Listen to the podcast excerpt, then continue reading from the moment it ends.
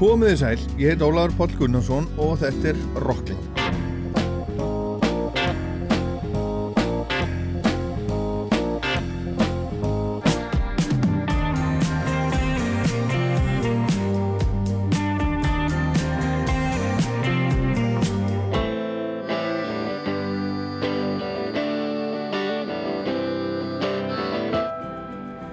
Í Rokklandi í dag rifjum við upp þegar Jónas Sigursson gaf út plötuna Það sem heiminn ber við haf sem hann gerði í samstarfi við fólkið sitt heima í Þorláshafn Lúðrasveit Þorláshafnar sem hann spilaði með þegar hann var strákur byrjaði 12 ára og eldri borgarakórin Tóna og Tryggs Jónas held upp á ammali plötunar 10 ára ammalið á föstutaskvöld með frábærum tónleikum í Háskóla bíói tróðfullt hús, lúðrasveitin var með honum og þetta var alveg magnað, skoðum það hérna á eittir og svo er það Guðfinnur Sveinsson sem var gítarleikari í instrumental rock hljómsveitinni fór að Minor Reflection sem að túraði til dæmis um tíma með Sigurós hann fór svo í óperusöngnám til Vínaborgar, býr í dag í New York og var að senda frá sér flotta soloplötu sem heitir You heyrim við honum enda rétt á eittir en við skulum byrja á gömlum góðum vini sem átti afmæli í dag.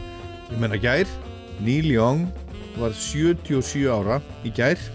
Gamallega góðu vinnu sem hefur fyllt okkur mörgum áratögum saman. Hann gefur út og gefur út algjörlega óstöðvandi. Hann er bæðið að gefa út nýja músík og gamla músík og tónleika nýja og gamla og bútleika og ég veit ekki hvað og hvað.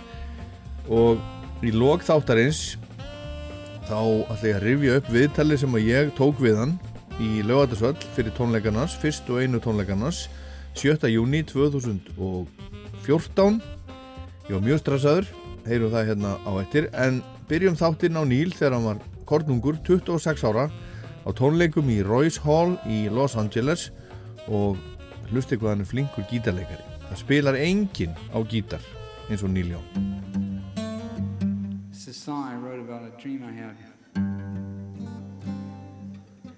It's walking down this beach.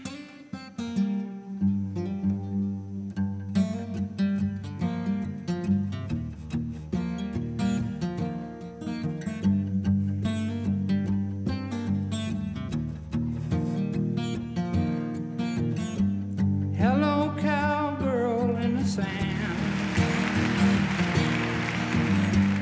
Is this place at your command? Can I stay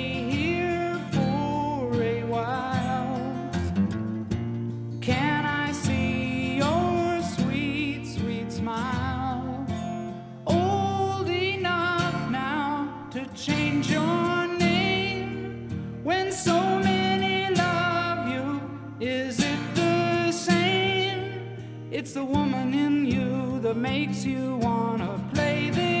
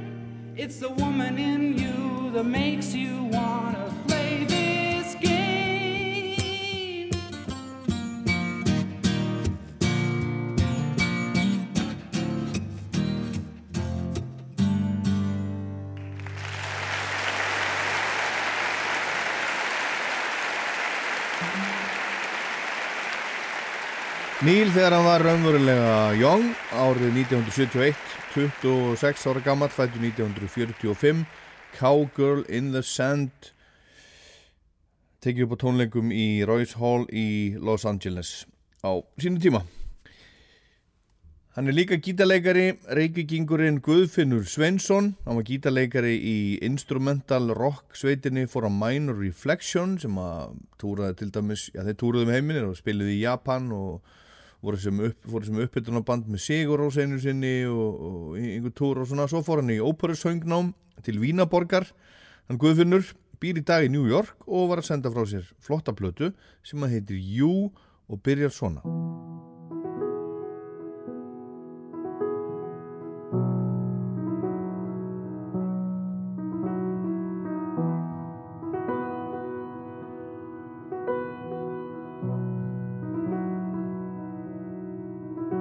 From the first time, from the first moment, I felt like I already knew you.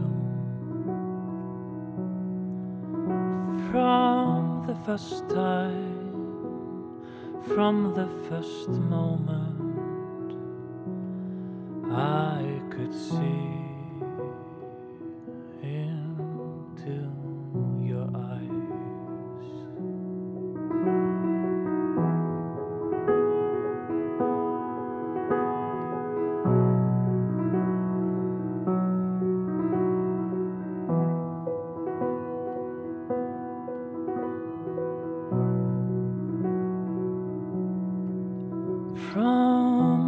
first time, from the very first moment, I was sure our hearts would come together. From the first time, from the very first moment, I knew I'd like to walk along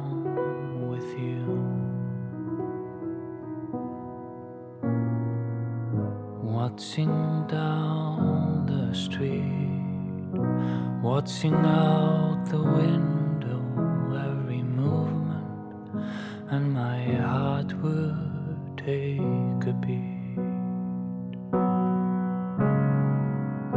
Watching down the street, watching out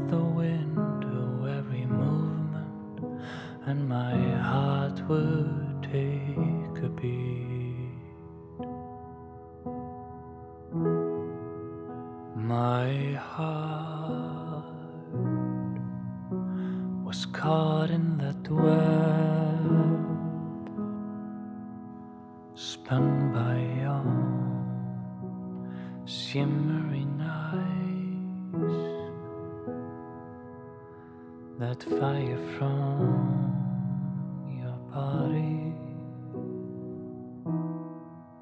Cast an everlasting spell on me. Svona byrjar platanars Guðfinns Sveinssonar sem að heitir You og þessu lagi sem að heitir, heitir First Time. Og Guðfinnur er, er mættur hérna, reyndar ekki mættur til mín hann er, hann er heima hjá sér í, í New York sallablasaður Blessaróli hvað hérna e, og til hamingju með þessa, með þessa flott, flottu plötu skulum byrja á því. Um hvað ertu um hvað ertu að syngja í, í þessu lagi? Um, Í þessu lagi Ég er að syngja um Mómentið þegar maður Hittir einhvern sérstakann Mjög sérstakann í fyrsta skipti. Uh, Ég held að þessi plata sé svolítið Hún er eiginlega of transparent eiginlega. Um, það, það er ekki að Ég geti líka logið í sko hvað ég er að syngja um. Uh, En já, þetta er svona Ég veit ekki tilfinningin sko. Ég, allavega í mínu lífi hef ég upplifað að, að st- stundum þegar maður hittir einhvern sem að hérna í fyrsta skipti og maður veit, veit að svo manneski verður hluti af lífum hans uh, alla tíð sko.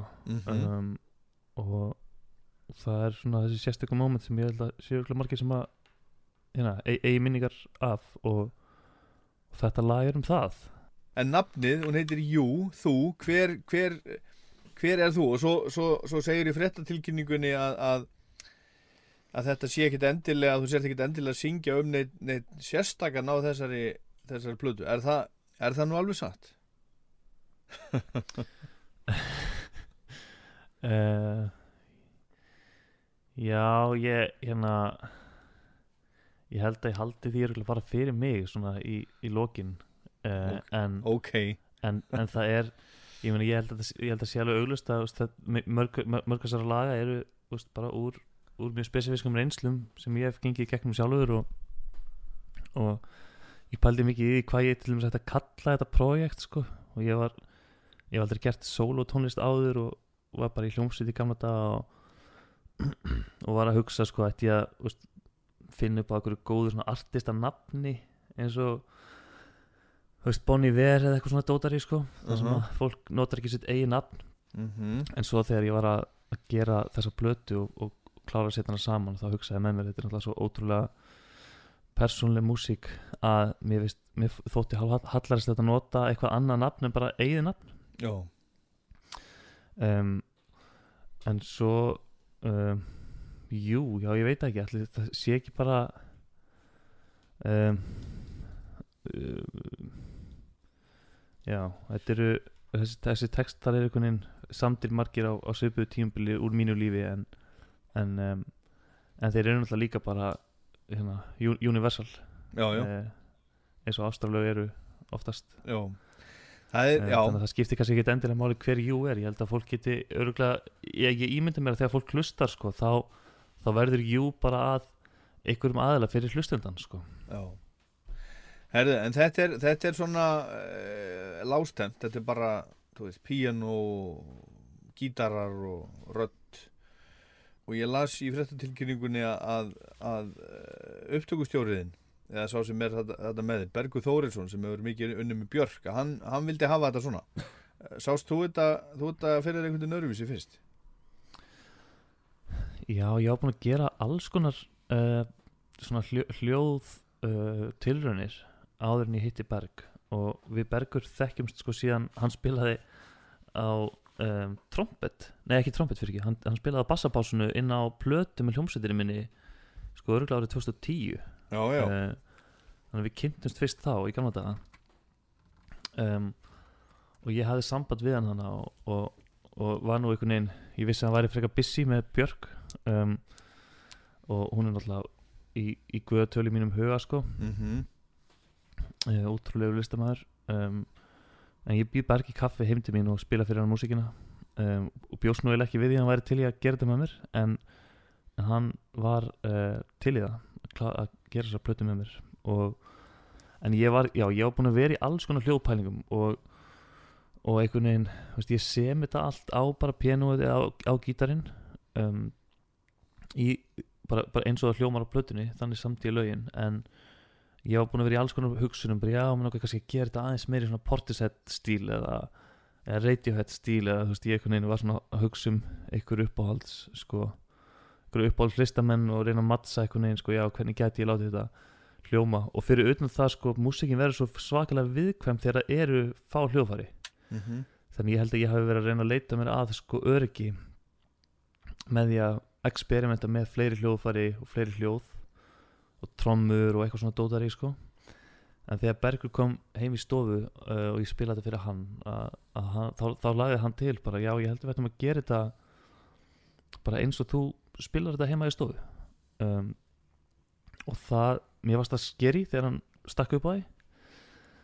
Út af þetta verður einhvern veginn ekkert meira berskjald en það þegar maður bara sittur við pianoð og syngur. Um, með ekkert backing. Um, en ég held að það hafi verið rétt ákvörðin fyrir þessa plötu að halda, halda er mjög einfaldri sko, lásnefndri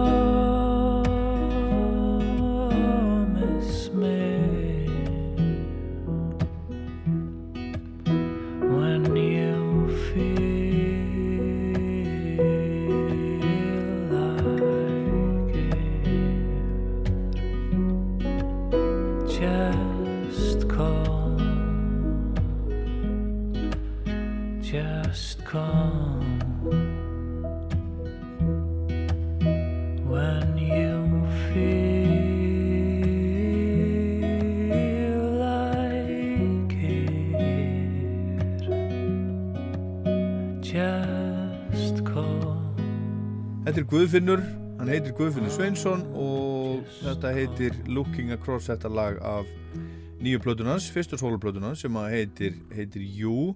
Og þannig er hann að hann er að syngja á þessari plötu og fjallum ástina og, og missi og alls konar. Og, og þú, þú, þú talar um áhrifavalda eins og eins og Tom York til dæmis Radiohead, Nick Drake.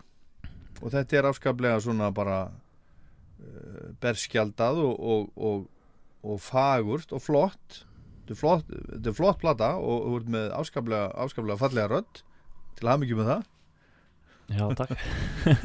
En hérna en, þe en þetta er svona þetta er svona tekið upp bara líku við eins og demo. Þetta er svona eins og þetta er svona eins og ógeðslega flott demo. Já, akkurat. Þetta er ekkert, mikið, mikið skraut ekkert svona einhverjir effektar og eitthvað raf. Bara Nei, akústist þetta er, þetta er svona söngva þetta er svona söngvaskálda kamermúsikplata já, algjörlega sko. Þa, Það var einhvern veginn bara stefnan sem við tók, ákveðum að taka þarna. Um, við, það eru kannski, það eru einhver hljóðfæri sko uh, örlítið byrju, það er nú ekki í Looking Across, ég held ég hefði spilað stundum minn smá bassa. Mm það er bara að láta hljóma aðeins meira smúð um, og svo útsetti ég uh, einhverja svona smá blasturs uh, einhverja smá blasturs hljóðfæri á nokkrum lögum og, og Bergur er náttúrulega ótrúlegur uh, basunu leikari og, og spilar á horniði líka og að En þú, var um, er, er þú svona blástursljófara maður gamall? Nei, ég hef aldrei aldrei spilað á, á neinn blastursljófari það er bara piano og gítar hjá mér. Já, og, og mjög svona, og einfaldur bassalegur sem ég get spilað ég er ekki, myndi ekki kalla mig bassaleikara þegar við tókum þess að stefnu að, að, að veist, gera þetta bara alveg basic að þá okkur, já þetta hljómar alltaf hljómar ekki svo að segja, bara eins og eins og svona vel upptekinn demo sko. Já. það er stundum einhvern veginn, ég, ég veit ekki, ég hugsa stundum um eins og Nick Drake sko, að hann er í auðvitað miklu uppaldi hjá mér að um, kannski ef ég horfið tilbaka á upptökunum á þessari blötu þá stundum hefði ég viljað gera þetta aðeins minna vel. Mhm. Þú veist, að leifa demónum að vera aðeins meiri demo um, en ég held að sé en það er ótrúlega erfitt sko þegar maður er í upptökum að sleppa takinu og, og leifa hlutunum að, hljóma sem alvöru demo sko eða þess að þú veist eins og maður hlustar á Nick Drake plötur og, og, og það eru bara, þetta eru heima upptökur sem að það er ekkert stúdíó og það er náttúrulega ótrúlegur feelingur þegar maður hlustar á það en en það er eitthvað, en ég held að egoið manns fari oft sko komið í vekk fyrir að maður leiði því að gerast þannig. Maður vill einhvern veginn láta þetta hljóma vel maður vill að röddinn hljómi vel og maður sé ekki falsnótur og svo framvegis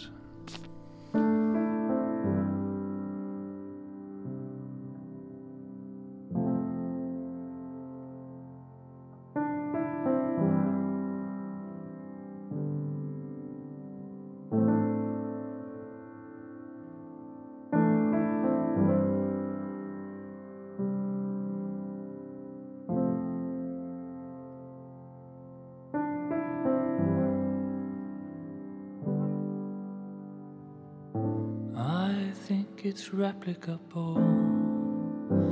I think it's temporal. Coincidence, a beautiful part.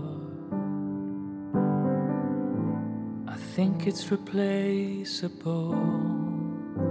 I think it's temporal. Coincidence, a beautiful part.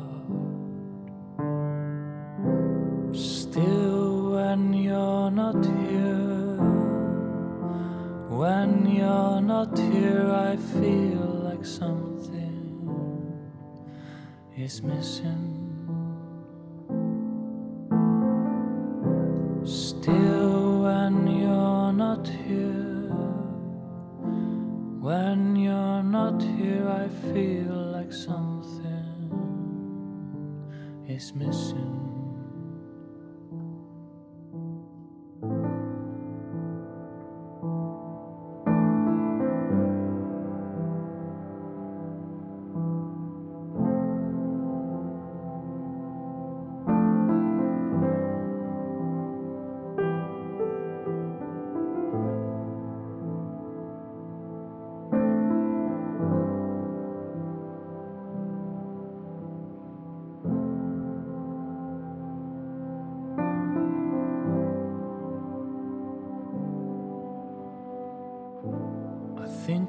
The feeling of home I feel when I'm with you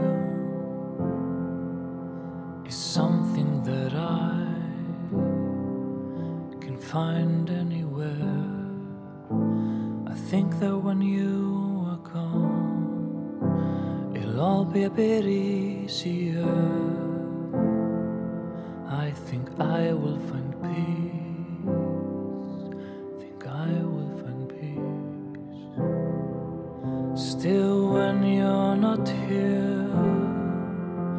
when you're not here, I feel like something is missing. Still, when you're not here, When you're not here, I feel like something is missing.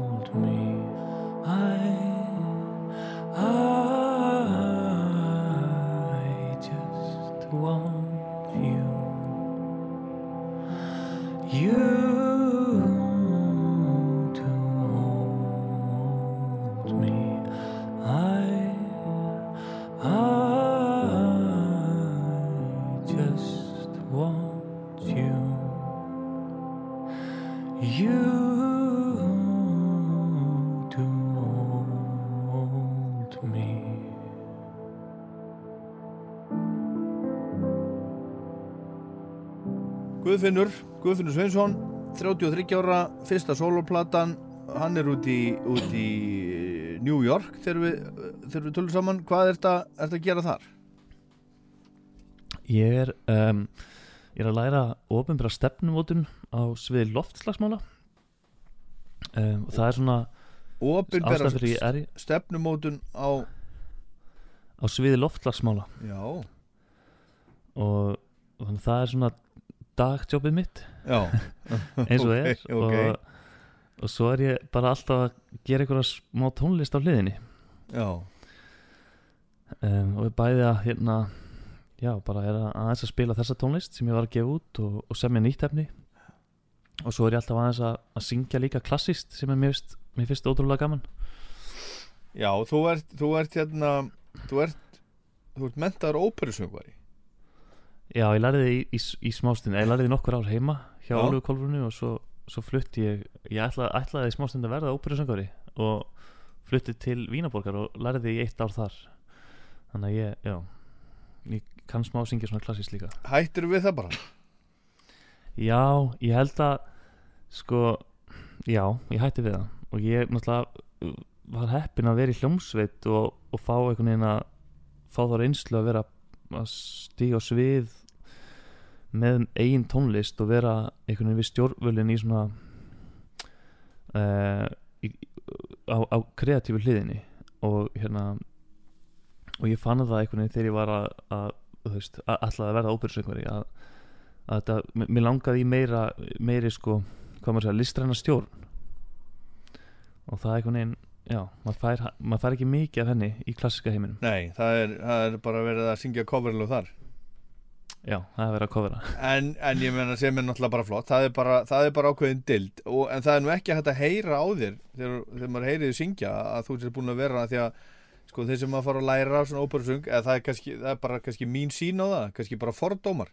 Og held ég að menn bara læri eitthvað ákveðið og þeir sándi ákveðin átt en, en ég menna það er ekki að heyra að það sé óperusöngvari að syngja þetta en þú syngur áskaplega vel. Já, einmitt, ég er veginn ég læriði að syngja held ég bara sko, svona þessa pop þennan popsöng og svo klassiska samhliða. Já. ég var einhvern veginn að byrja sko já, ég var að byrja að læra klassíst hana upp úr tvítu í fyrsta skipti og, og sama tíma var ég í fyrsta skipti að, að byrja að syngja eitthvað svona við pianoið sko, um poplög. Já, þannig ég náði einhvern veginn að held ég bara að læra þetta samhliða. Er ekki sýstiðin óperusöngunum líka? Jú, hún er sko um, ótrúleg fyrst mér, hún, ég held hún sé með eina fallegust ég er náttúrulega kannski pínu bæjast sko, en, en hún er ég held hún sé eina íslenska konan sem hefur sungið skalóperunni í Mílan, Og byrju, hún heitir aftur? Kristín Sveinsdóttir. Aha, hún er, að, hún er mjög dugleg óperu heiminum heima núna á Íslandi. og er í alls konar uppsetningum um, og hún er eiginlega sko, það er henni að þakka ég fór að syngja. Ég sko, ég var í, í hljómsveit sem hétt For a Minor Reflection akkurat. og við spiluðum instrumental músík. Við byrjum þegar við um 16 ára Já. og gáum út fyrstu plötuna þegar við um 17 og ástæðan fyrir að hún var instrumental var að enginn gætt sungið í bandinu. Já, einmitt. Og það var sko alveg satt út af því að ég, eins og ég sjálfur ég söng aldrei ekki eins og fyrir sjálfa mig í, í styrtu Já, þangt til ég varð sko tvítur og þá gerist að ég var á tónleikum hjá Kristínu uh, í Langholtskirkju. Hún söng í kórunum hjá Jóni Stefánsinni frá því hún var fjárara aha. Byrjaði í krútukornum og Jónsi korstjóri hei, heyri röddina minna, talröddina og segir eitthvað við, við mig, já þú er nú með góða rödd. Og ég bara, þú veist, hlæjaði í skilu ég, ég bara söngi raunverulega ekki fyrir sjálfa mig í bíl eða styrtu eða neinstæðar sko. ég söngi alltaf með í já og svo einhvern veginn pikkar Kristín upp á þessu sýstir og samfæri mig um að fara í kórpröfu. Já. og þannig ég, í fyrsta skipti sem ég söng fyrir einhvern var kvöldi fyrir kórpröfuna og þá söng ég fyrir Kristínu sýstur mm og svo mætti ég kórpröfu og þar voru Ólaf Kolbrún sem var síðar, síðar söngkennari minn. Já. Og Jónsi að lusta ég held ég að við bara sungið snert hörpu mína heiminbóluna dís eða eitthvað Já, eitthva álíka já, já, já. og, og þá byrjaði ég að syngja þannig að þetta er allt þetta er, ég myndi eiginlega að segja að þetta sé allt Kristínu sýstur að þakka sko að hafa komið mér í söngin I spoke with you today For the first time in a month You sounded like before before. I try to keep my face, to give you all the space I can. Not do this all again. Let's wait a little while before we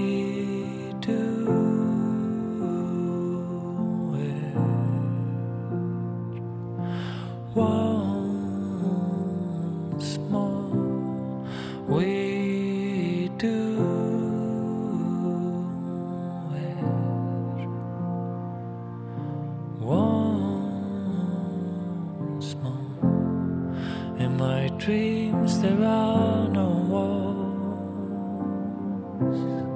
as if we are still the same as before. And I refrain from pressing pause, knowing that's how dreams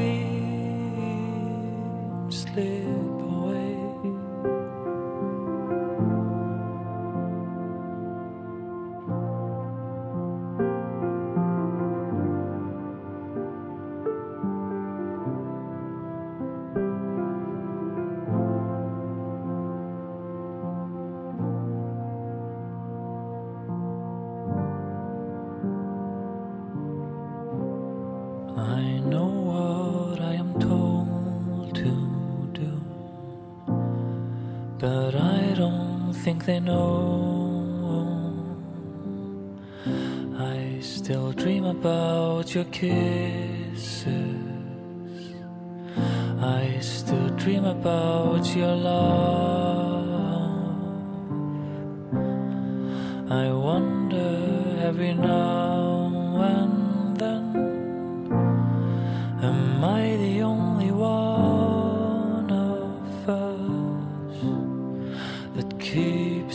creep.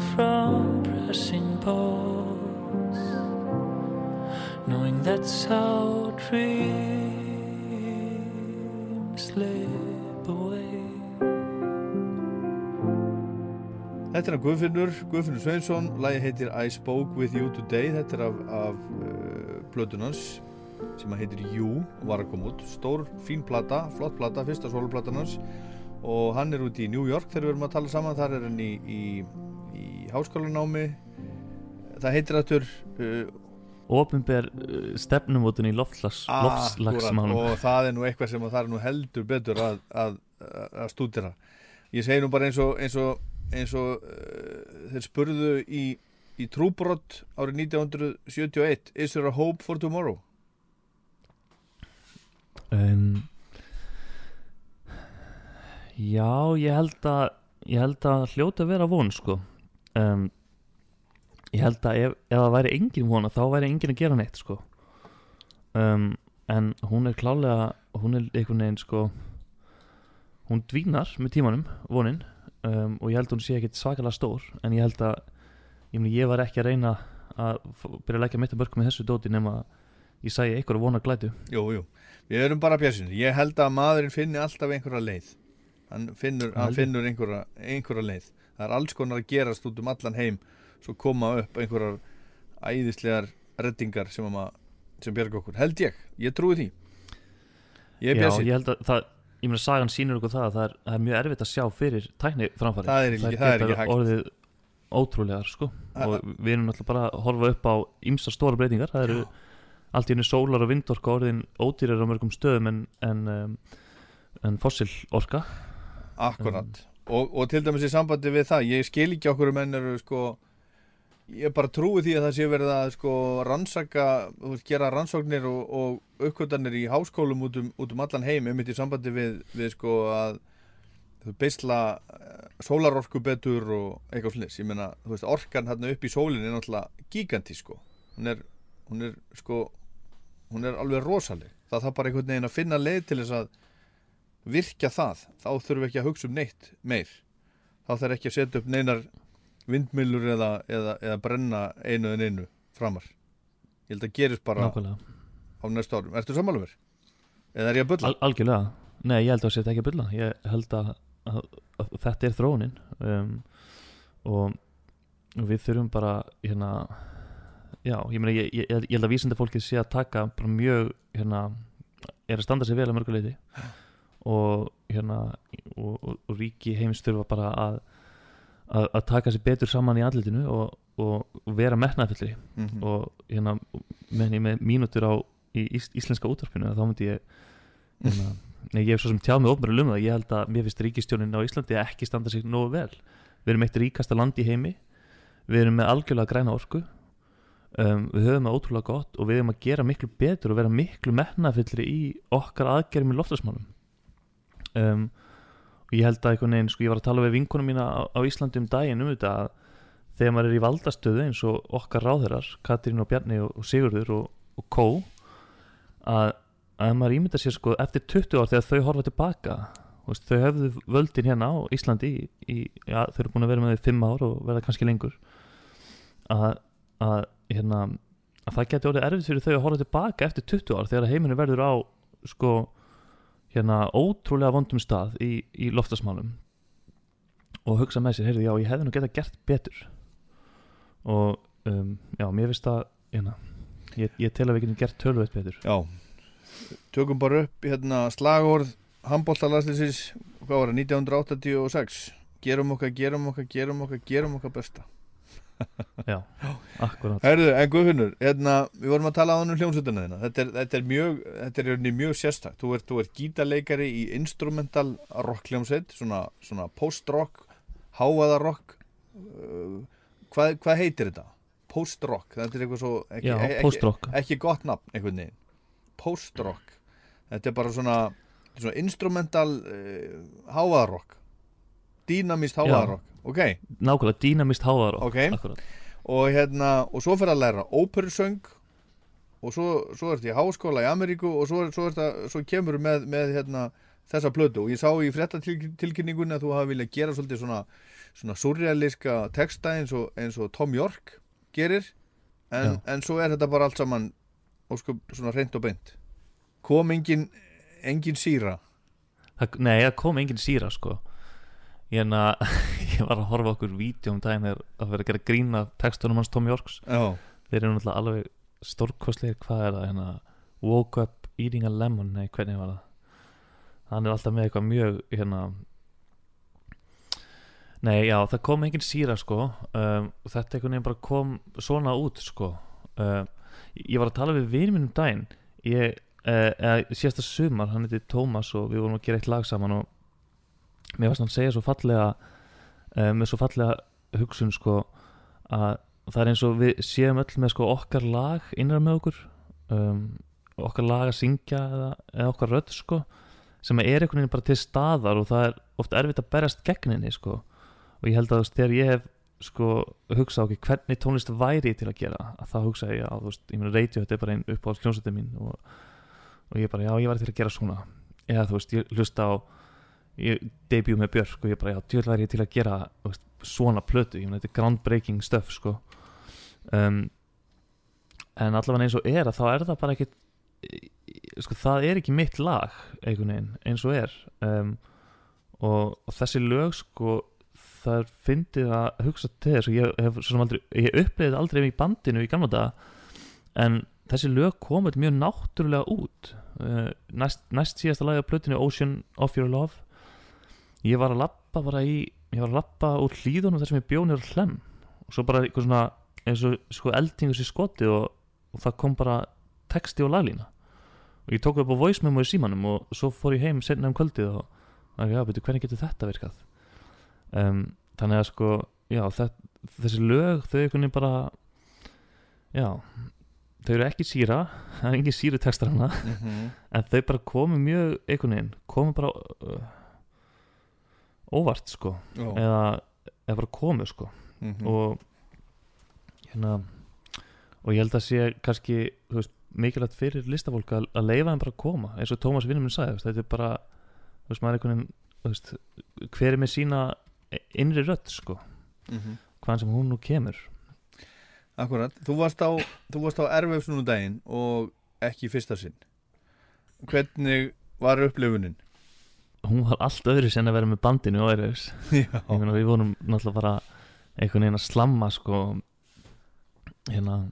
En það er fyndið, þú, nefnir þetta sko það skrítið að einmitt vera að gera óperumúsík og gera postrock í gamla dag og gera núna svona músík. Að ég held, ég hef oft hugsað sko hvað, hvað er svipa með bandinu í gamla dag, postrockinu hjá Fora Minor Reflection og, og mínu núna er ég held sko Fora Minor Reflection þótt að við hefum verið að gera svona hávaðarokk og að það var það mjög dýnamist og það var mjög tilfinningaríkt. Mm akkurat, ég, ég heyr alveg tengingu sko. Akkurat, ég held að það sé kannski stóra tengingin sko að, að þú veist, ég læriði því með strákunum í gamla dag bara frá að við vorum úlingar að gera svakalega tilfinningaríka músík. Og við gerðum það þá með því að, að gera hljóðfæruleikin mjög dýnamískan og, og það, það er kannski ekki gangi í þessari músík, það er ekkit sérstaklega dýnamískur hljóðfæruleikur en, en þetta er líka tilfinningarík uh, tónlist sem ég er að gera núna. Mm -hmm. En þetta var, það var góð tilfinning að spila. Ég spilaði á keks og það var fullt af fólki að lusta og, og fullt af fólki að barnum að spjalla líka. Og það var kannski ekkit, ekkit optimal hérna, aðstæður til að flytja músikina en, en gekk bara vel og fallegt og, og svo spilaði ég þannig í húsi máls og menningar. Og það er yndislegur flýill og það var ótrúlega gaman. Mm hvað, hvað, hérna, hvað er svo, er svo framundan? Og svo ætla ég að lefa þér að velja síðasta lagi sem við heyrum. Um, Hvað er framöndan? Um, ég er einhvern veginn sko ég er að reyna bara að leifa lögunum að halda áfram að koma, í, koma út. Um, þegar, þegar hugmyndinar hérna, koma inn í kollin uh, ég hef aðeins verið að leika mér að gera lög við ljóð vina minna. Mm. og mér finnst það ótrúlega gaman. Uh, mér finnst ég aðeins vera svona frjálsari í lagasmíðunum þegar ég er að semja við sko ekki eigin texta. Þannig ég held að ég geti þess að það er ein hugmyndin. Um, ég var að byrja að semja íslensku ljóð í fyrsta skipti í sumar. Og svo var ég að tala við hérna það er kannski skrítið að se- setja það í útvarpið. Ég var að tala við hann Sigtrygg Baldursson. Já. við hittumst í kaffi nýlega og, og ég var að segja við hann að ég er svo lélegur í, í trommum og takti. Það er alveg, ég er ótrúlega slappur í, í svona taktdýnamík sko.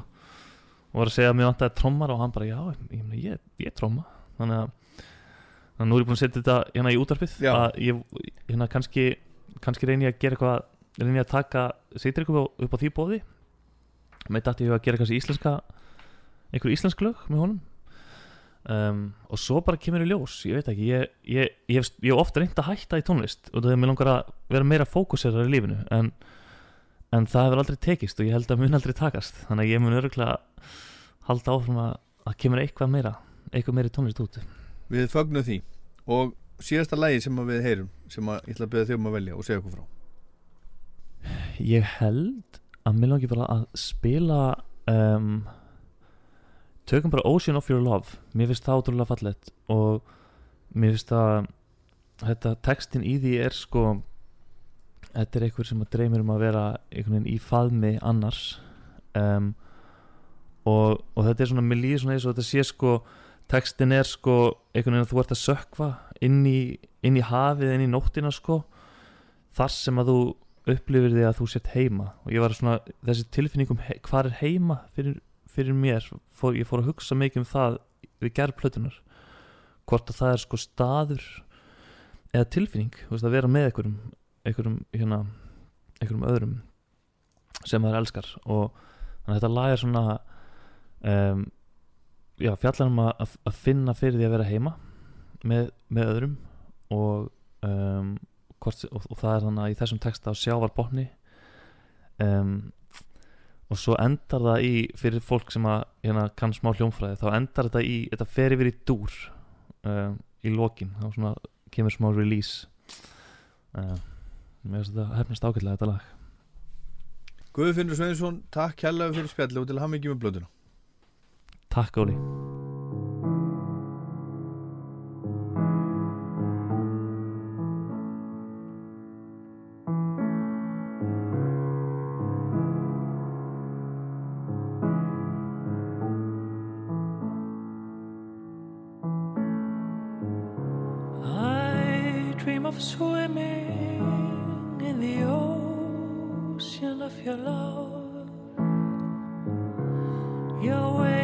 of loving sweep my feet right off the ground. Your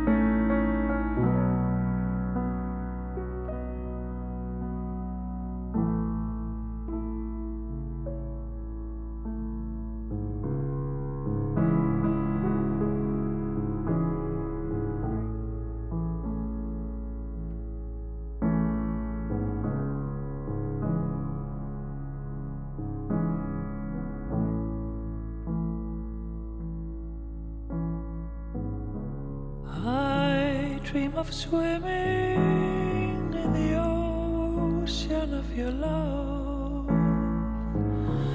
Your ways of loving sweep my feet right off the ground.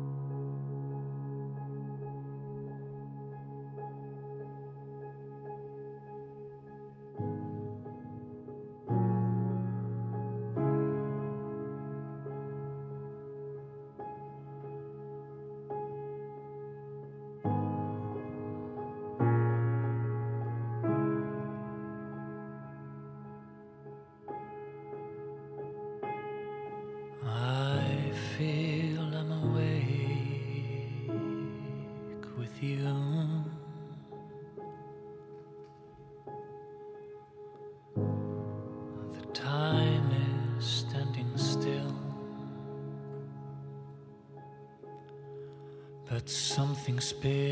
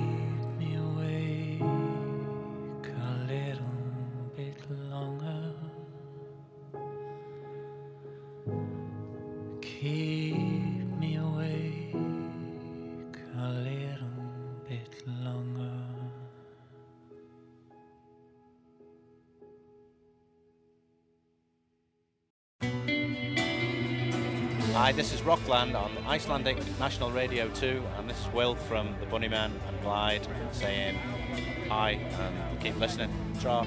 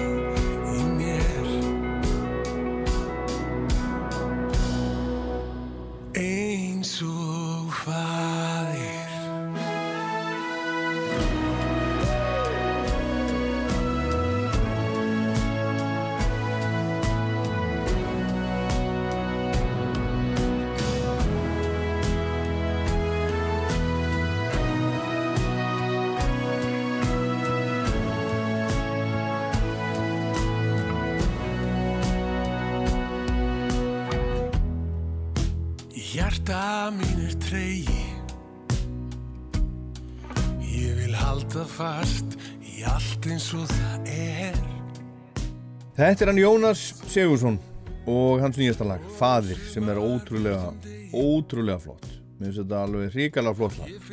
Og Jónas flottur og það var alveg svakalega flott, velflutt á tónleikonum sem Jónas hjælt í háskóla bíói á föstudagskvöldið og hann var með flottan ingang fyrir hann, uh, fyrir lagið, hann var að segja frá tilulagsins og, og svolítið og Jónas kann nú alveg að segja frá.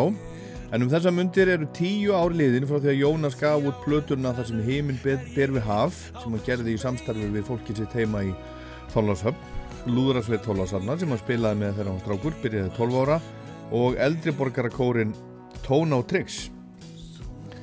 En Jónas var orðin talsverð stjarna á íslenskan mælikvarða bara fyrir tvítugt, kom til Reykjavíkur eða réttar að sagt í Moselsbæin í stúdíó Kvarf þar sem Sigur ás átti eftir að leggja grunninn að sinni framtíðskomin síðar. Og hann tók upp á samt ummavinnu sínum og skólafélaga lög sem að höfðu orðið til í partíum vetrarins. Á einum degi, tók upp á einum degi og þeim til mikillar förðu vaknaði áhuga á útgáfu og þeir slóðu til, kölluðu sig Sólstrandagæjana reynda að hafa þetta eins hallarslegt og þeir mögulega gátu en þeim til mestu förðu var þetta bara vinsælt. Sólstrandagæjanir slóðu í gegn. Og enn þann dag í dag, 30 árum síðar er lægið þeirra Rángur maður sungið í, í hvað við segja hver einu stúdilegu og í mörgum partíum allt árið um, um kring. Og hann endaði tónleikana á föstudagskvöldið í Háskóla Bíói á Rángur maður og það er einhvern veginn í fyrsta skipt að hugsaði já þetta bara passar inn í prógramið en Jónar sem hafði alltaf langað að verða einhvers konar Lennon hafði stökkbreyst í the Clown eins og hann hefur stundum sagt síðar.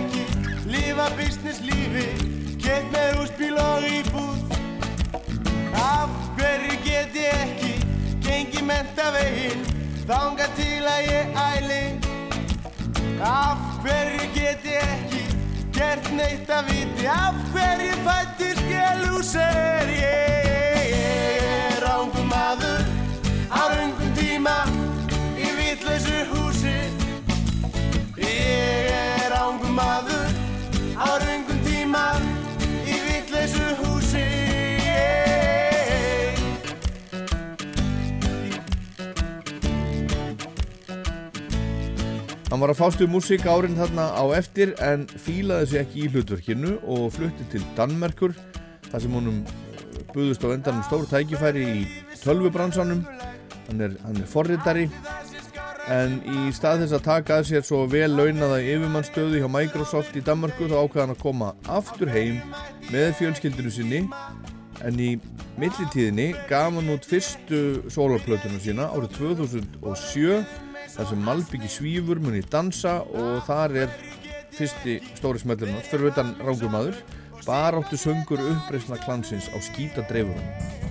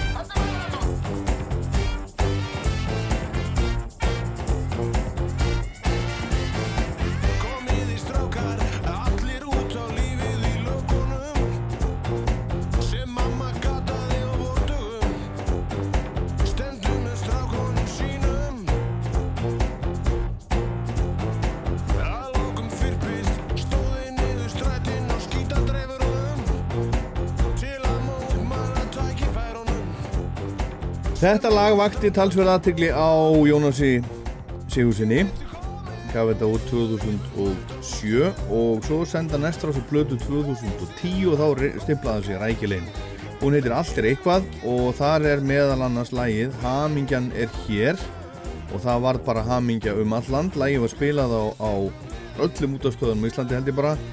Og Jónas spilaði um all land með sinni frábæri hljómsveit Rit vélum framtíðarinnar og svo sprakk þetta allt saman út sumari 2012 eins og full þroskaður ávöxtur með tónleikaröð sem Jónas held í Fjarðarborg á borgarfyrði Eistra fyrir bræðsluna, hann spilaði, eða ekki, var ekki fyrir bræðsluna, hann spilaði á hverju einasta kvöldi í heila mánuð. Þetta átti bara að vera svona eitthvað smá tilraun, eitt kvöld, tvö kvöld en hann var hérna á hverju kvöldi í heila mánuð og það var alltaf vel mætt stundum tróðfullt út úr dyrum það bara sló í gegn og vakti aðtegli á Íslandi öllu og ég held að það hafi meira og minna allir Íslandingar vitað af þessu, hvort sem er kærðu þessu eða ekki. Jónas spilaði svo á stórtólingum Rása 2 á menninganótt á Arnarhóli 2012 og þótti algjörlega frábær. Á síðastóra svið endaði prógramið, aðalnúmerið og það var talið þá að tveir af hverjum þremur Íslandingum hafi séð Jónas þar og heyrt, þar var sko hamingin. Og við ætlum að fara saman í haminguna. Þannig að nú er þetta lag er sérstaklega hannað til að tengja ykkur saman og okkur til samtengingalag. Þannig að ef þetta gengur upp, þá getum við ákvæmlega haminguna hérna. Eins og það hafi ekki verið nóg af henni fyrir. Líka þeir sem heima sitið, þið verðum endur að standa upp líka. Og ákvæmlega haminguna með okkur. Er til í það?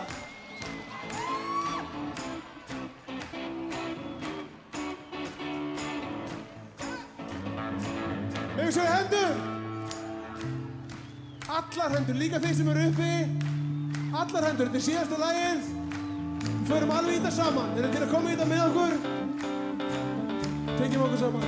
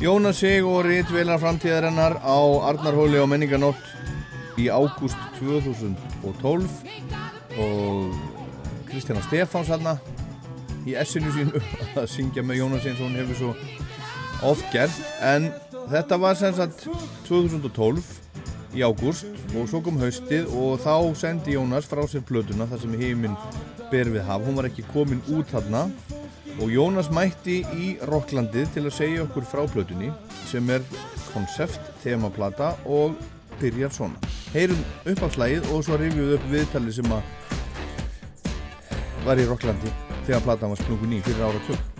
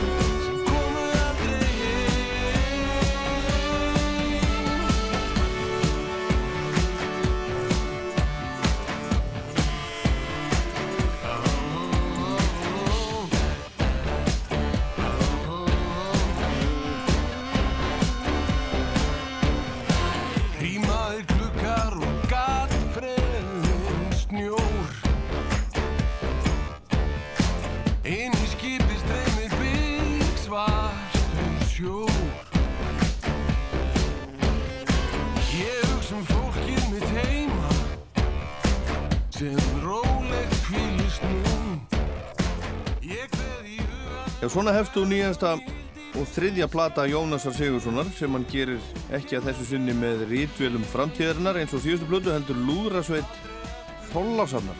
Hvers vegna er það Jónas og, og velkomin? Já, þakka þér fyrir um, Sko, ég er frá Þorlásöf og hérna byrjaði minna músík byrjaði bara alveg í músík í Lúðursveit Þorlásöf í Þorlásöf, þá var ég bara hérna ég að gera 12 ára og Robert Darling sem núna er ennþá stjórnandi Lúðurastæranar hann var fyrsti trommu kennari minn og kendi mér trommur og svona. Já, já. og hérna og þetta var hugmynd sem fættist þegar ég bjó í Danmörku að mér langaði svo mikið að fara einhverjum tíðanbúndi heim til Þorláshafna og gera eitthvað svona þemaplötu. Og ég sá strax fyrir mér hún er svolítið þung sko en svona svona að því í dag er svolítið mikill fókus á svona sem að kalla singla eða svona einstöklög en mér langaði svo að gera bara svona stóra þemaplötu svona upp á gamla máta Mm eins og Pink Floyd og þessi gæjar voru að gera. Og, og hérna og gera hana bara heima um þorpið sko og þorpsmenninguna og, og vinna með lúðrasveitinni og, og, þau, og svo var ég bara búin að hugsa um þetta svolítið lengi. Þá hafði þau samband við mig e, einhvern tímann í, já fyrir svona síðan. Og, og spáðum um að halda með sér tónleika, bara einu tónleika. Og ég mitt bara greið þetta bara sem merki um að það væri komin tími til að þannig ég bauði þeim bara og ég til að halda með ykkur tónleika en verður þið til ég að bara gera með mér plötu? Já, já. og þau bara mér til mikill ánæg, ég bara kýldi á það. Já, þannig að þú ert ekki farin að spila með þeim á tónleikunum sem að þau báðu um að vera með nei, sér nei, á. nei það er búið að fara greiðinu tími í þessa plötu og svo núna uh, næstu helgi sem sagt 19. og 20. oktober þá verðum við með útgáð tónleika í Þorlásöfn það verður öllu til tjaldað Já, herðu en þetta, þetta lag sem að sem að platan byrjar á sko, hún heitir það sem heiminin ber, ber við haf Já. og umslæðið er svona, það er skip sem að er ekki að sigla heldur, það er svona flýgur yfir svífur yfir vötnu svífur yfir haffletinum já, en þetta lag hérna, uppáslæði hafsins heitur, þetta er svona einhver svona, svona skipskaði. Já, já, svona döiði um, já, já, ég hérna mér langaði svolítið á þessar plötu að vera svolítið svona já, ég, ég hef verið að reyna í músíkinni sko, að fara kannski meira reynd á umfyllunaröfnið og mér hefur oft fundist svona, eða svona setni tíð þá hefur mér eða hvað við segja, kannski ákveðið svona ok um, þetta er svolítið flókið viðfórsefni Já, uh, að deyja sko, í textum er svolítið vinsælt viðfórsefni svona, í dramatekstum og þá er yfirleitt sko gert svo mikið úr döðanum svona rillilegu döðdægi og fólk einhvern veginn engist í hva, kvöl og sásöka Já, það er meira svona Iron Maiden.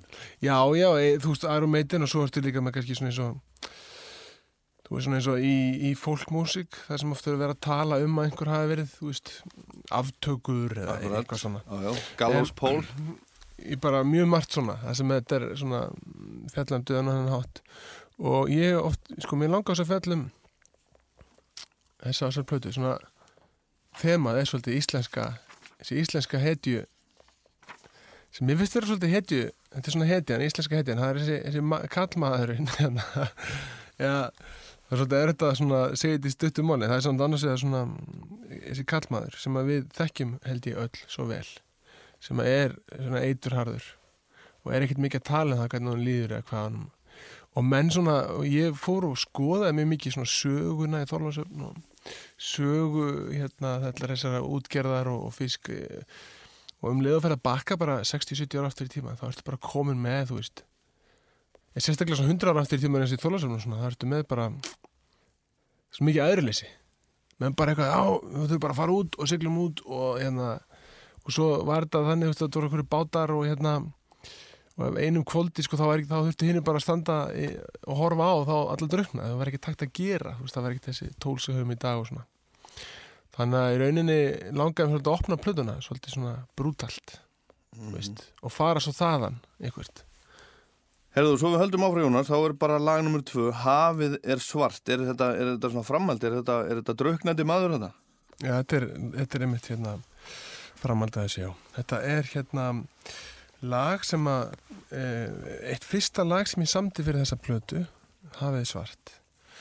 Og þetta lag hefur rosalega mikla merkingu fyrir mig sem sagt, e, þetta er svona eitt af þeim lögum sem að mér finnst svona að koma einhvern veginn til mín á mjög merkilegan hátt. Og ég er ofsalega ánægð með það eða svona, að einhvern veginn tengi mjög fast við það. Og sagt, þetta er náttúrulega eh, það, einmitt, það fjallar, það er framhald af þessu í rauninni og þarna er þetta er rauninni eins og frásögn um, kannski þessari hetju þessar manns sem er svolítið að lýsa því eh, að hann náði aldrei einhvern veginn að tengjast eh, fólkinu sínu og þeim sem stóða nú næst. Sem ég held að sé mjög einkennandi fyrir hérna fyrir þessa þessa tegund eða svona þessa tegund manna sem við þekkjum þetta svo vel sko. Og hérna er bara hluta okkar bakgrunni.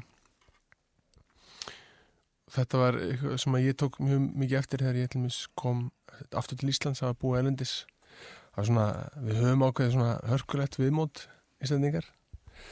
Og svo Já, þú upplifur það þannig? Já, svona, Svona eftir að hafa verið í Danmörk eftir að vera í Danmörku það sem alltaf er mígra og svona kom tilbaka og fann ég þetta svo stert og mér finnst það alls ekki endilega neikvægt sko, þetta er bara allt öðruvísi.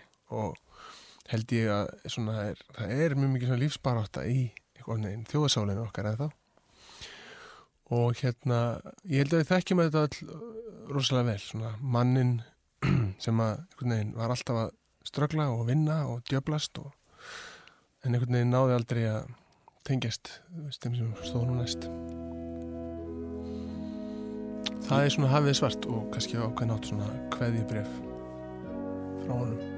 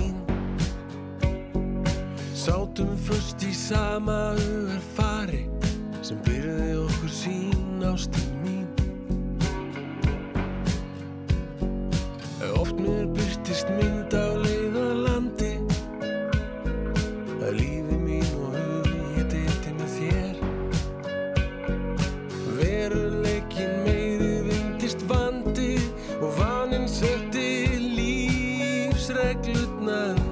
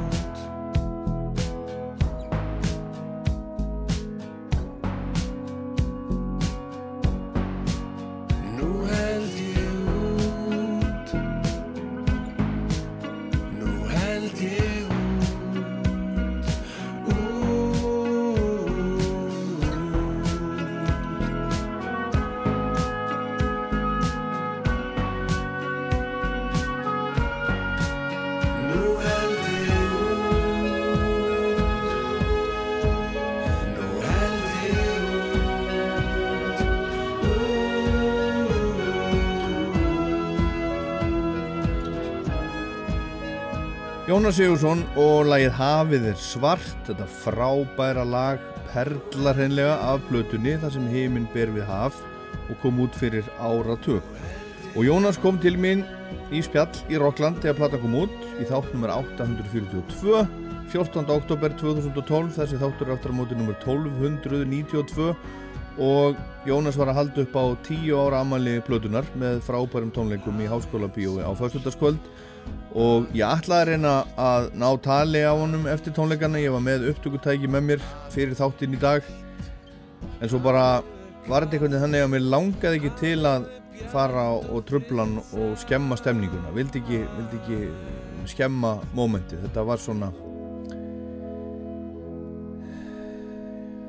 þetta var einhver galdur þarna og ég vildi bara ekki, ekki tröfla það. Og ég ákvað þessi stað að rifja upp þetta 10 ára gamla viðtal við Jónas sem að stendur vel fyrir sínu.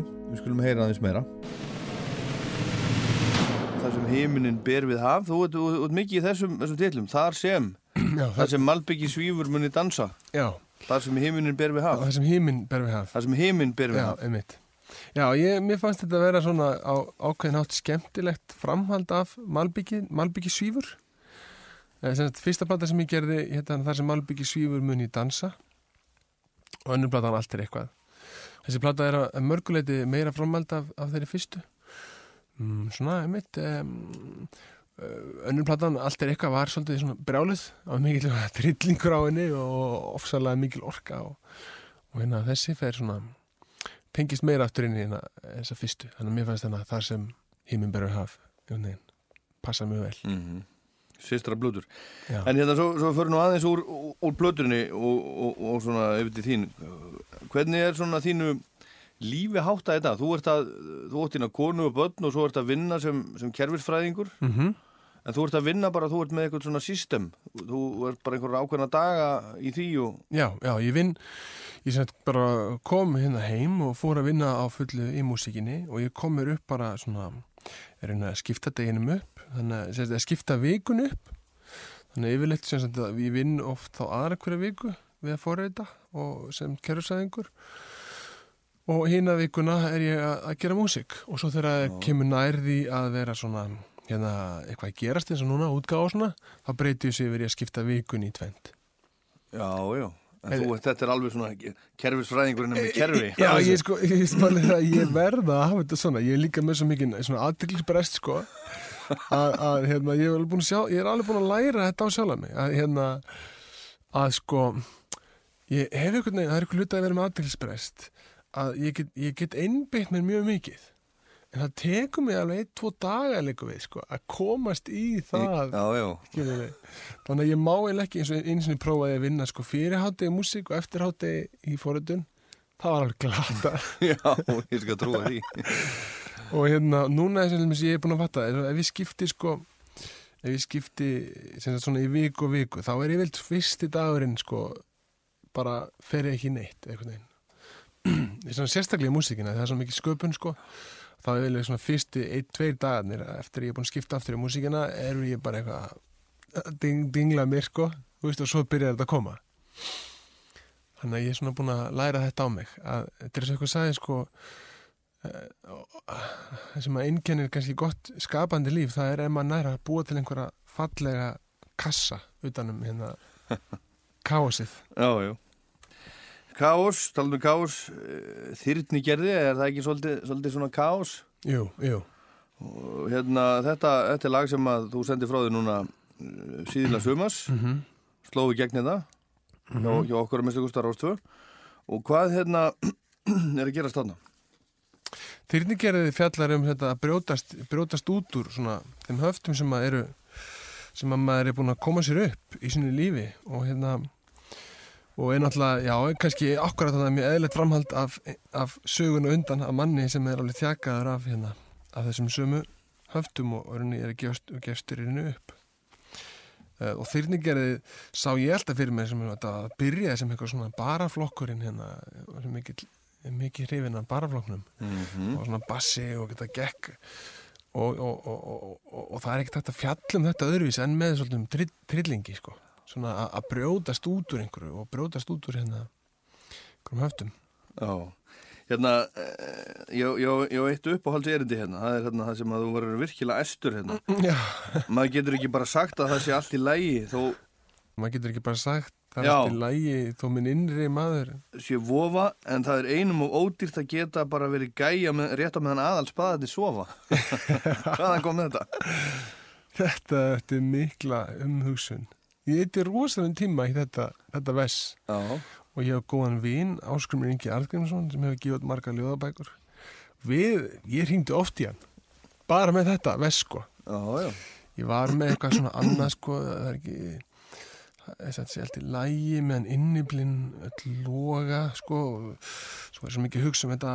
Og þetta er nefnilega mjög mikið þetta er akkur þetta, þú veist, maður er alltaf verið að segja bara eitthvað, já, það er allt í lægi sko, þú veist, þó, þó að maður sé kannski ekki þetta gera það sem hann langar, eða vera það sem hann langar eða, eða þú veist, eins og margir eru, bara ekkert sáttir við sitt líf og eru bara alltaf að segja sjálfur sem það sé allt í lægi og svo þetta Já, sem já, að það kannski- Já, einmitt, einmitt, það er margir að verra. Það er nú verra í Afríku. Já, já, já. Og svo þetta sko geta bara verið gæi rétt á meðan aðal spaðni svo að það er svona svolítið. Ég held að tengi margir Það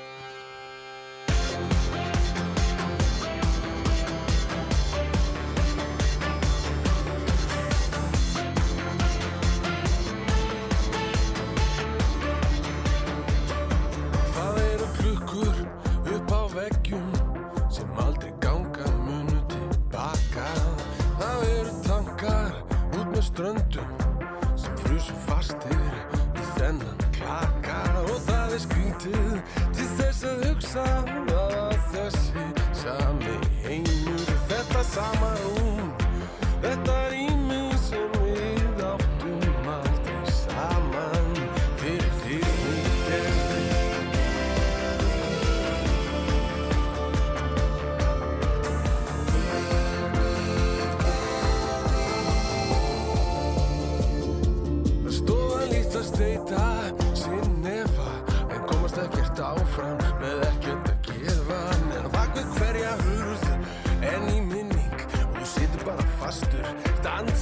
the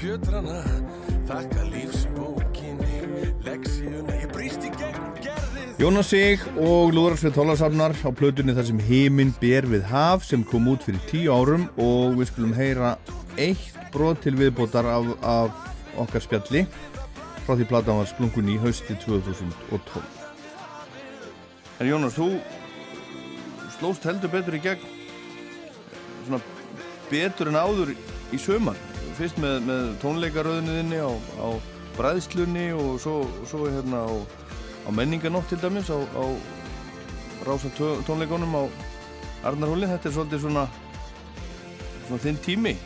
Já, hann er svolítið núna?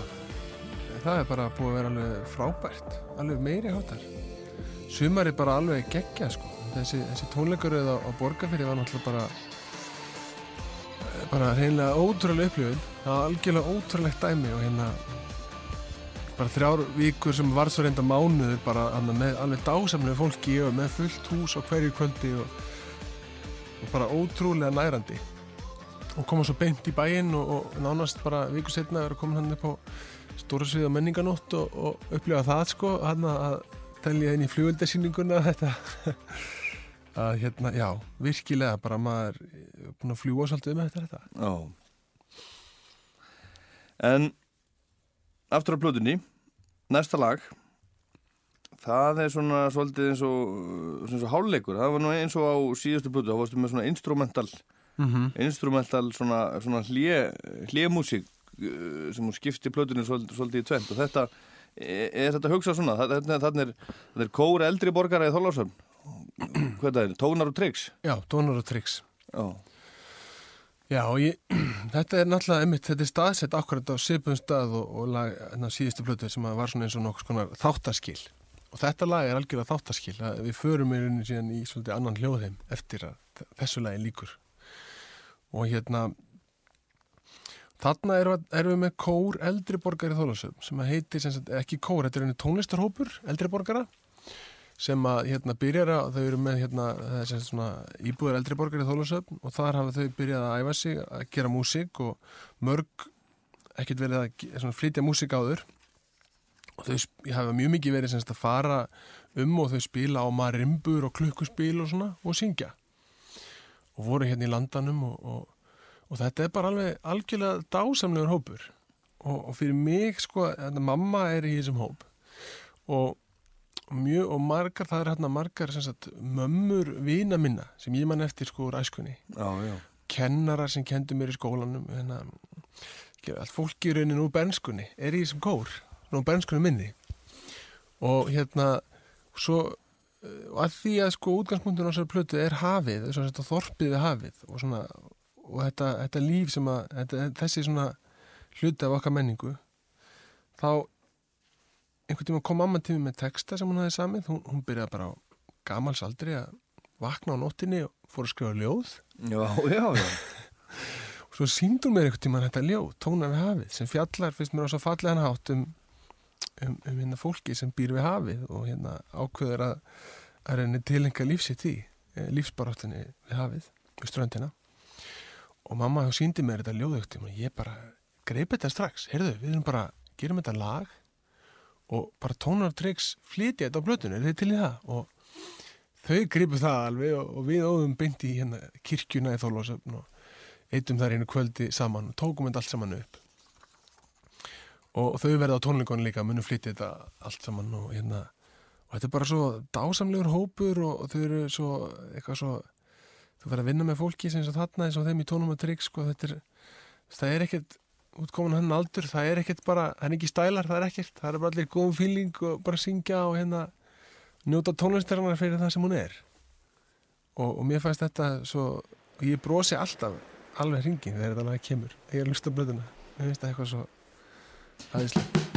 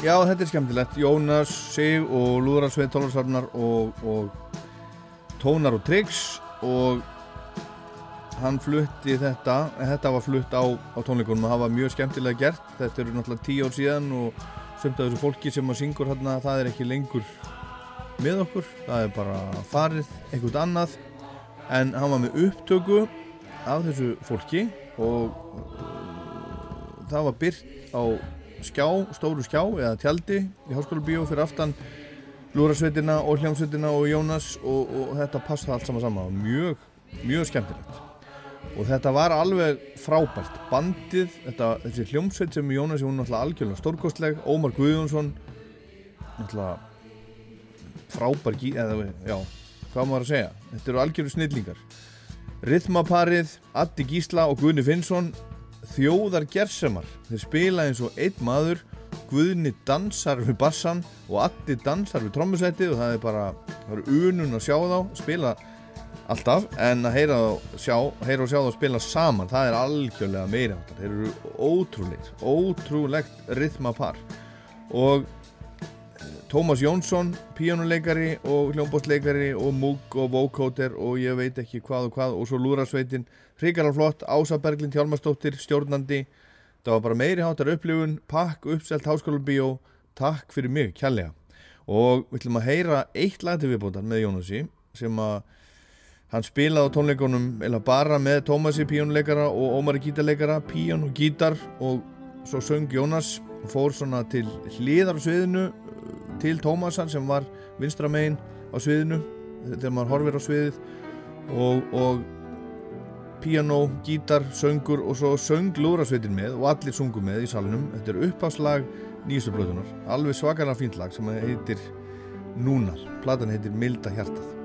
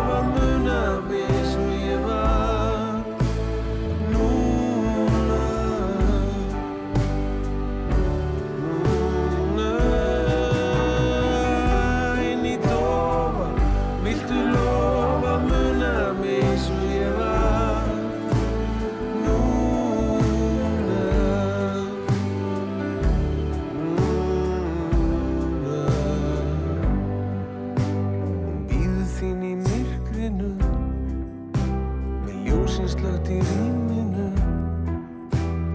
Í skaði myrkar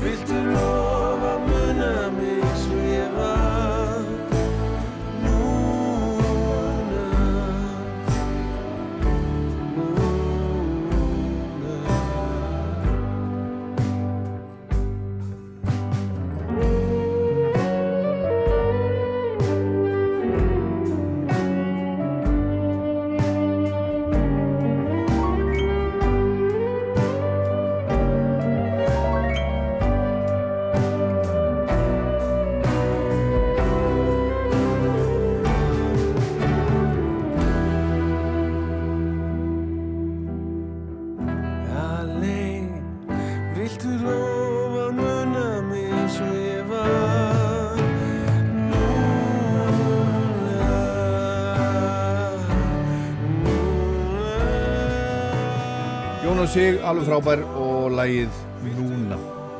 Meiri hóttalag Neil Young, okkar margra gamli vinnur, átti afmæli í hér 77 ára enn að búa til músík, gefa út plötur alveg á fullu. Hann er að gefa út æfistarfi sitt, bæði nýja músík og gamla, nýjar plötur. Nýjar plötur sem voru teknar upp fyrir mörgum árum en kom aldrei út. Hann er að gefa út tónleikaplötur með nýjum og nýlegum tónleikum með Crazy Horse og með eh, hljómsveitinni Promise of the Real. En hann er líka að gefa út gamla tónleika, eldgamla. Hann er hættur á Spotify. Eins og margir vita, það eru samt nokkur lög með honum á Spotify og ennþá fólk að segja uh, nú ekki mikið að marka þennan kall. Neil Young, hann er, hann er uh, víst á Spotify, en það eru einhvern veginn það eru nokkur lög inn á Spotify sem að eru einhverju svona afgangar, einhver lög sem að hafa verið notuð í bíómyndir og hitt og þetta sem hann hefur hugsanlega ekki alveg stjórn á eða hún með kannski bara alveg, alveg sama, ég veit það ekki.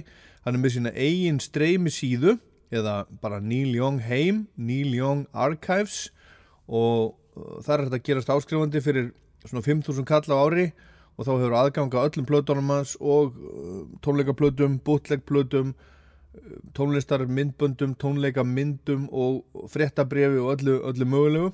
Bara svona Young heimur kjöri fyrir fólk til dæmis eins og mig sem að, sem að vill bara hafa vera svona í tengslum við hennan gamla gaur.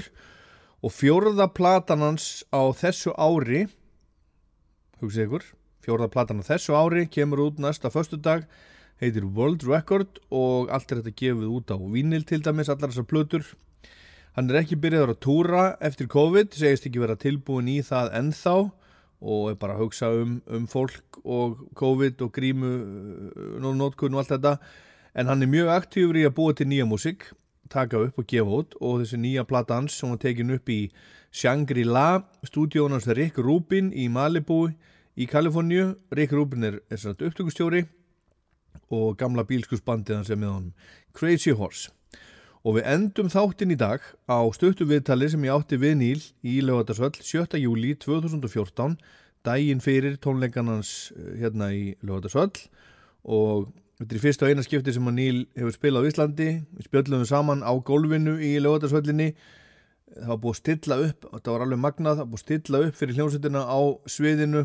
Allt eh, Crazy Horse dótið og þetta viðtal var myndað og þetta var notað aðeins í fréttir og ég var mjög stressaður en Níl var næs og mjög svalur mjög svalur mikill töffari Okay, Mr. Young, really nice to see you here finally. Why has it uh, taken so long? It's my manager's fault. I don't, you know, I play where they send me. Yeah, it's just simple as that. Pretty much. Yeah. You know, I'm really happy to be here. Yeah, good to hear. Yeah, no, I'm happy to be here. It's Yeah. great to be here. I love playing places I've never played before. Yeah, I love playing places I've never played before.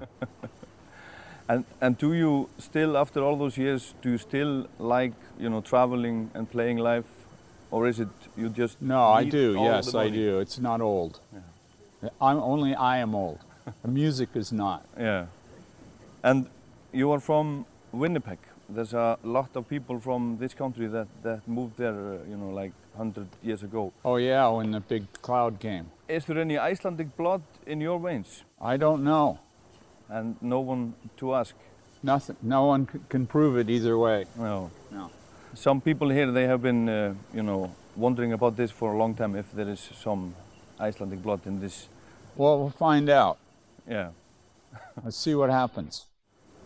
And you have been practicing here now uh, for two or three days. How is it? How is it sounding? Is it? It's great. Yeah? Sounds good. We're having fun. And this is your this is your first Crazy Horse show without without Billy uh, since the Yeah, beginning. Billy had a stroke, and so we're uh, we we we uh, you know we changed some things so that we could keep on going. And how is the horse sounding? Great. We sound really good. It's different, but it's really good. I'm enjoying it a lot. Yeah. That's just the way life is. You know, life plays its part. All we do is change. We have to adapt. And what does it, you know, change? Are you still still doing the long songs and all that? Oh yeah. No, we do everything. And what do we, what can the Icelandic uh, audience expect? I don't know. You don't know? No. No set list yet or any- No. anything like that? No, not till tomorrow before the show. Then we'll figure that out. All that it's too much information to have. Yeah. Have you had time to uh, look around you? Oh yeah, it's beautiful. We uh, yeah no, I've been out and, and seen mostly the country, you know, and I went to the I went to the uh, to the Blue Lagoon a couple of times. Yeah. A couple of times. Yeah. So it's not just once. No, it's refreshing, and I feel like good to go there. And that you know, there's a lot of people, and I don't know how they're going to handle it. because there's twice as many people this year as last year, and who knows what's going to happen next year? They're going to build a mega hotel or something, you know, and then it's not what it is now. Mm. So this is a beautiful thing for now, and especially a couple of years ago, it was really great. So those people who went a couple of years ago, they got to see something because it was more peaceful. Now it's you know many buses and everything, but that's success for you. It has a lot of sides. But anyway, I'm very happy to be here, and uh, we've enjoyed ourselves greatly, and um, it's been very nice meeting the Icelandic people, and everybody appears to be very happy and healthy, and everything's very clean and it's beautiful. I wish the rest of the planet was as clean and as beautiful as Iceland. You're very fortunate to be uh, living in a place that is almost pristine. I only saw one industrial plant on the whole place and making aluminum or something, and I, I you know, not, there's nothing wrong with making aluminum, but it's really nice to see a pure representation of what Mother Earth is capable of. Or you can drink the water out of faucets, and uh, the heating and the and the uh, electricity is supplied mostly by a renewable force, which is a beautiful thing to see. And if the rest of Earth could, could figure that out, it would certainly be good for the planet. So congratulations to Iceland for leading the way.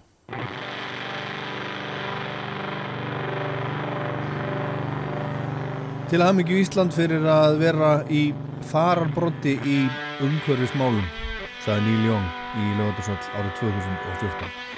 Þetta var Rockland. Ég minni á Rockland á rú.is og í rú spilaranum. Ég heit Ólaður Páll. Takk fyrir að hlusta.